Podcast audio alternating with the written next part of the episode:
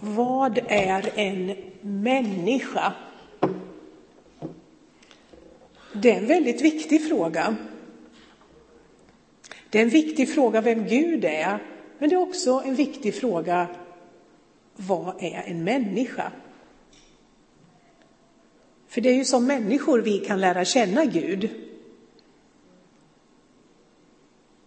För att förstå oss på oss själva och andra så behöver vi en grundläggande insikt i den här frågan. Vad är en människa? Och där finns också en nyckel till att lära känna oss själva bättre, om vi förstår vad människan i sin helhet är. Men också för vår relation till Gud så är det här en viktig fråga. Hur tänkte han när han formade människan? David, herdepojken och musikern som blev kung i Israel omkring tusen år före Kristus, han gav ju uttryck för den här frågan i en av sina psalmer som vi just har hört eh, citat ifrån. Ifrån Bibelns sångbok Saltaren, i den åttonde salmen ställer han den fråga som är lika aktuell idag. Vad är då en människa? Och eh, vi ser där i salmen också hur vi människor är en del av den övriga skapelsen. Vi har mycket gemensamt med djuren och samtidigt är vi annorlunda. Och frågan är på vilket sätt är vi annorlunda? Vad är det som mest av allt särskiljer oss från djuren? Vad är det som gör människan unik? Den frågan har försökts besvaras och har besvarats på många olika sätt och den kan följa med kanske till de samtalsgrupper som jag tror ska vara sen senare i samband med kaffet. Vad är det som gör människan unik? Man har talat om språket, man har talat om förmågan att använda redskap och att bruka jorden. Eh, här finns det tydligen, ja, kan vara en sanning med modifikation att det är bara människan som, som brukar redskap. Men det där är, ja, det är något man kan samtala om. Och vi kan också tala om konsten och kulturen. Vi kan tala om vårt rättsliga medvetande och därmed om vårt ansvar. Vi kan tala om vårt behov av mening i tillvaron, också om vår förmåga att reflektera omkring oss själva och vår omvärld. Att reflektera över vårt eget öde, reflektera över vårt liv, reflektera över vår död. Och så har vi ju religionen, om vi använder det uttrycket här. Behovet att tillbe någonting eller någon som är större än vi och som finns hos alla folk och kulturer. Var kommer det ifrån? Vi går till Davids psalm, Saltaren 8. Och först läser jag några verser eh, här i början från Bibel 2000. Eh, när jag ser din himmel som dina fingrar format, månen och stjärnorna du fäste där, vad är då en människa att du tänker på henne, en dödlig att du tar dig an honom? Alltså, med tanke på helheten och hela universum, vad är då speciellt med den här människan? Eftersom Gud bryr sig så mycket om henne, om denna lilla prick i universum. Vad är det som är så speciellt? Och i folkbibeln så låter, eh, ja det var vers 4 och 5 jag läste, det låter så här i folkbibeln, vi tar med båda. När jag ser din himmel, dina fingrars verk, månen och stjärnorna som du har skapat, vad är då en människa eftersom du tänker på henne, en människoson eftersom du tar dig an honom? Alltså där Bibel 2000 skriver en dödlig, så skriver eh, folkbibeln, och likaså 1917, en människoson. Och då blir man ju lite nyfiken, vad står det egentligen? Och då kan man säga så här, då är människoson är den ordagranna översättningen av hebreiskans Ben Adam. Ben Adam står det i hebreiskan. Och Ben, det är ordet för son. Och Adam, det är ju Adam. Det betyder inte bara man, utan det betyder också människa. Alltså, människoson. Eh, men det finns mera där. I Första Mosebok 2.7 så kan vi läsa att Gud formade människan Adam av stoft från jorden. Och då står det av stoft från jorden, av stoft från Adama. Alltså Adama är jorden. Så människan är den som är formad av jorden. Orden för människa och människoson talar alltså om det material som Gud använde när han formade människan. Vi är av jord. Den förklaringen, det är det som är förklaringen alltså då till att man i Bibel 2000 skriver dödlig. Man har valt en liten eh, tolkning. Och frågan är då, varför värdesätter Gud denna dödliga varelse gjord av atomer och molekyler så högt? Vad är så speciellt med just människan? Vi återkommer till det.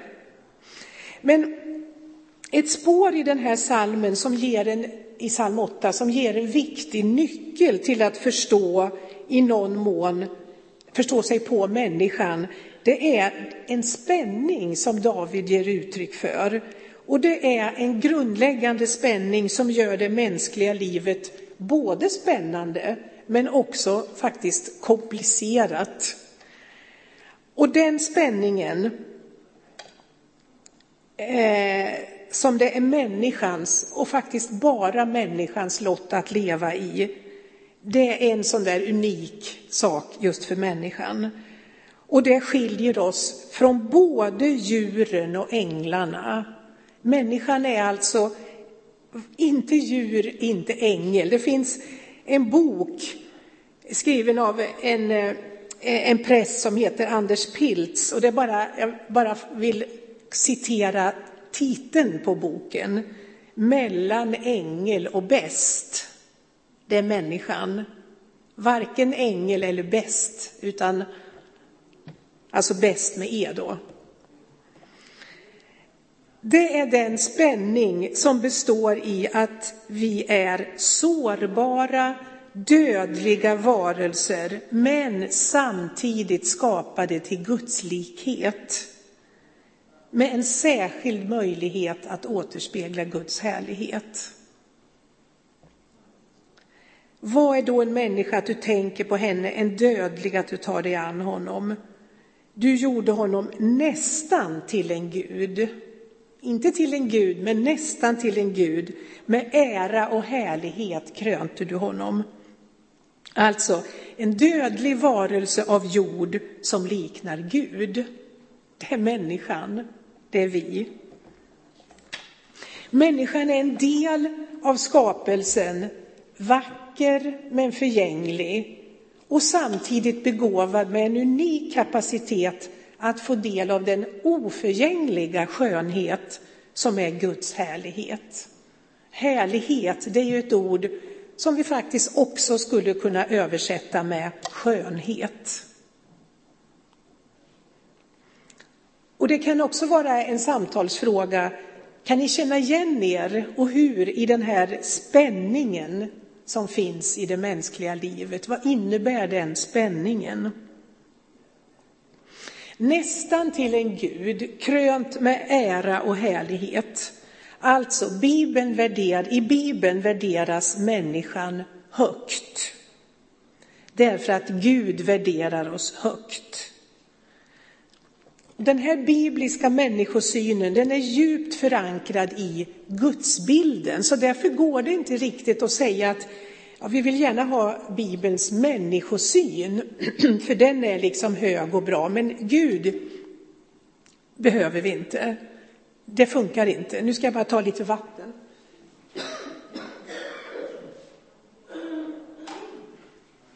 Då, då skär man av rötterna för den människosynen som finns i Bibeln.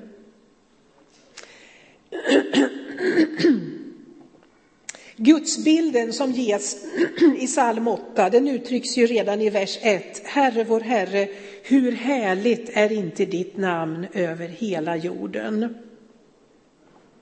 Så står det i folkbibeln och i 1917. Och eh, eh, jämför man det med Bibel 2000 så står, det hur, så, så står det om att Guds namn är väldigt. Eh, och det är ju så att det ordet som talar om härlighet talar också om makt. Men inte bara makt, utan det talar också om skönhet. Därför så föredrar jag personligen ordet härlighet här, så att också skönheten lyser fram. I skapelsen finns en återglans av Guds skönhet, av Guds härlighet. Och Guds tanke var att människan på ett alldeles särskilt sätt skulle bära den här återglansen. Och därför så säger David att Gud krönte människan med ära och härlighet. Och krönte, det talar ju om en väldigt hög eh, värdering av människan. Och så just detta krönt med ära och härlighet. Människan är tänkt att förhärliga Gud.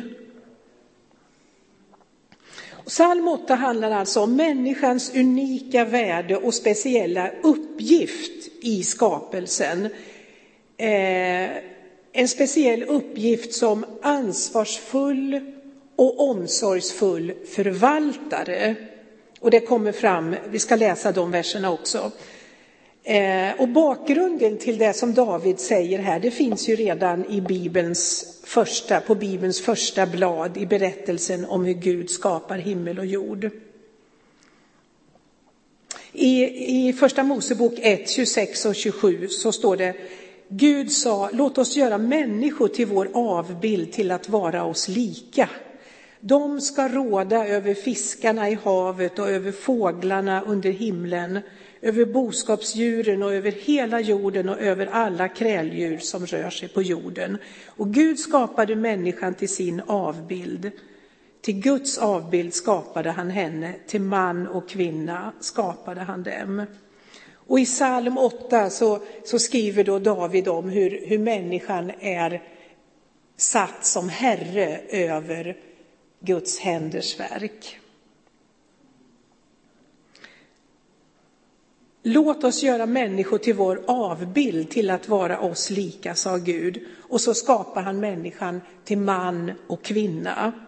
Det betyder ju att han skapade oss till gemenskap och till samhörighet.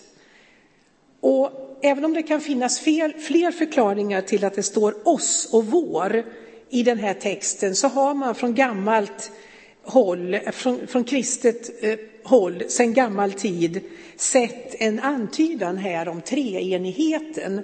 Att Gud säger låt oss skapa människor till vår avbild. Alltså Gud skapar inte människan för att han är ensam och behöver sällskap, utan Gud skapar människan för att återspegla den gemenskap som finns inom Gud själv från evighet, Fader, Son och helig Ande.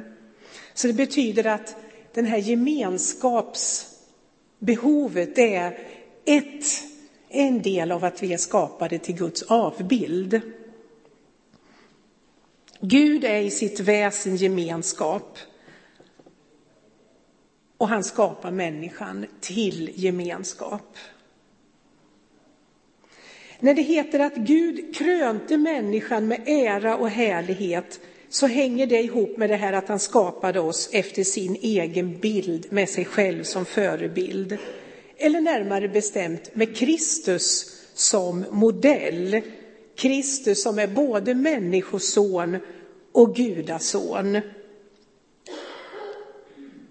Så där finns svaret på varför Gud värderar människan så högt. Vad som är så unikt med just oss. Svaret finns i Kristus som är modellen för människan. Och därför hänger gudsavbilden och härligheten samman med vår relation till Kristus. Vi blir inte hela avbilder utan Kristus. Och det är där som vårt behov av frälsning kommer in. Bibelns bild av människan är komplex och motsägelsefull. Och det, ju, det måste den vara om den ska stämma med verkligheten. Så lite grann om det också här mot slutet. För att Bibelns människosyn handlar alltså om att vi är skapade till Guds avbild för att återspegla hans härlighet. Och vi är skapade till att förvalta Guds skapelse. Och vi är en del av skapelsen. Vi är så att säga förgängligt eh, också på den fysiska delen. Men det finns en annan faktor som gör det hela komplicerat. Och det är det att det räcker inte med den spänning som ligger i att vi är sårbara, dödliga varelser, utan det finns en annan spänning också. Och det är detta som hände när gudsavbilden gick sönder. För om Bibelns två första kapitel beskriver vårt ursprung hos Gud så kommer det ett kapitel 3 som talar om hur människan gick sin egen väg bort från skaparen. Och redan alltså på Bibelns första blad, på de första bladen så läggs grunden till Guds ordets komplexa bild av människan.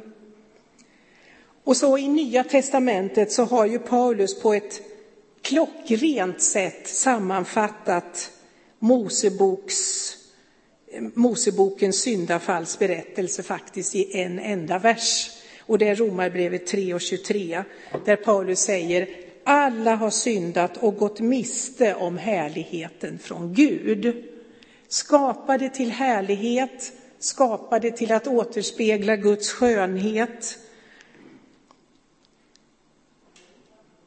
Men synden kom in, vår egen vilja gick snett.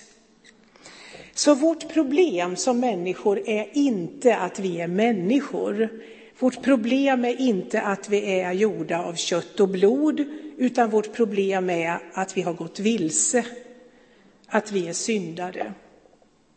Och det kan ju vara ett samtals, eh, samtalsfråga också. Vad innebär detta med synden, att vi missade målet? Hur fördärvade det gudsbilden i människan. Gudsavbilden.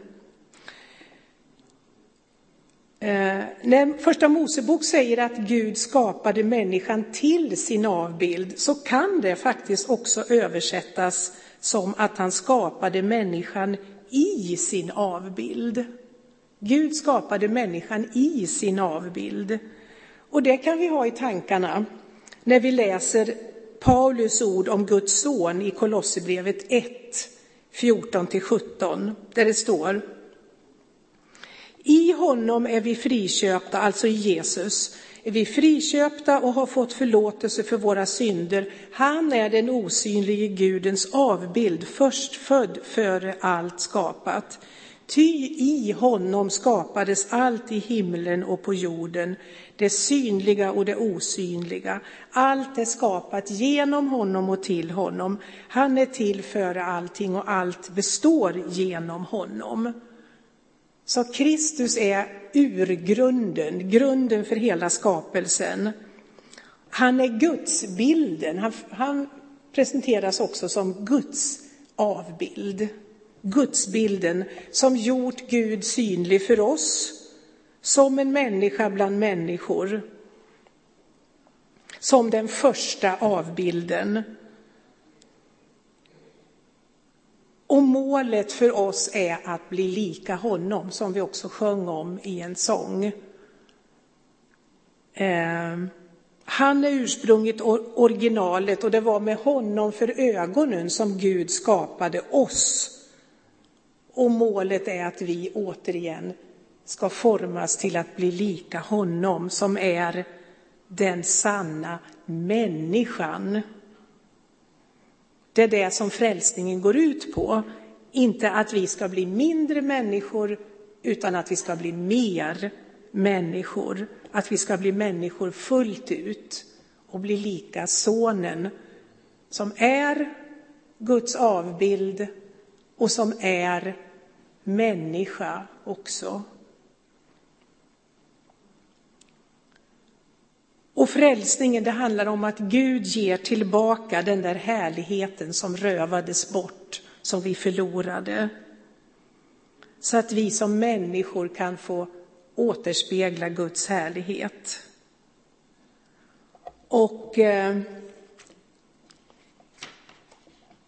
vad betyder det då att avspegla Guds härlighet? Vi har sagt att det betyder att återspegla Guds skönhet. Och som vi sjöng i en sång här, det betyder väldigt mycket att avspegla Kristi ödmjukhet, Kristi eh, karaktär, Kristi väsen.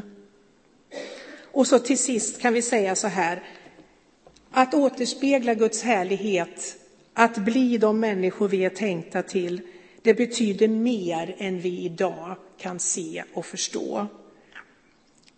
Att vara människa innebär mer än vi hittills varit med om. Eh, det finns en film som jag, det finns många filmer som jag inte har sett, men en av dem som jag bara har hört talas om och som säkert många har sett är Lejonkungen. Eh, där eh, eh, lejonet Simba som en förlorad son i främmande land har börjat tänka på att återvända hem. Och så får han i en syn uppleva hur hans döde far Mufasa vill hjälpa honom tillbaka och hitta sin sanna identitet. Och då säger lejonfadern till lejonsonen, du är mer än du har blivit. Och det tror jag Gud säger till oss också, vi är mer än vi hittills har blivit. Och därför så skriver också Johannes, och det blir det sista nu, i sitt tredje, i tredje kapitlet i första Johannesbrevet. På tal om vad en människa är. Eh, ska vi se här. Vart Johannesbrevet tog vägen. Där har vi det. Vilken kärlek har inte Fadern skänkt oss när vi får heta Guds barn? Det är vi. Världen känner oss inte därför att den aldrig har lärt känna honom. Mina kära, nu är vi Guds barn, men det har ännu inte blivit uppenbart vad vi kommer att bli. Vi vet dock att när han uppenbarar sig kommer vi att bli honom lika, ty då får vi se honom sådan han är. Det är inte så att vi ska sluta vara Guds barn, men vad det innebär, det får vi se. Tack Jesus. Hjälp oss att fortsätta vårt liv med dig för ögonen och ha som vårt mål i livet att bli lika dig, att få formas till din avbild. Att du själv får vara vårt mål i livet. Tack för det underbara som du har förberett för oss, som vi inte ens kan tänka eller ana. Amen.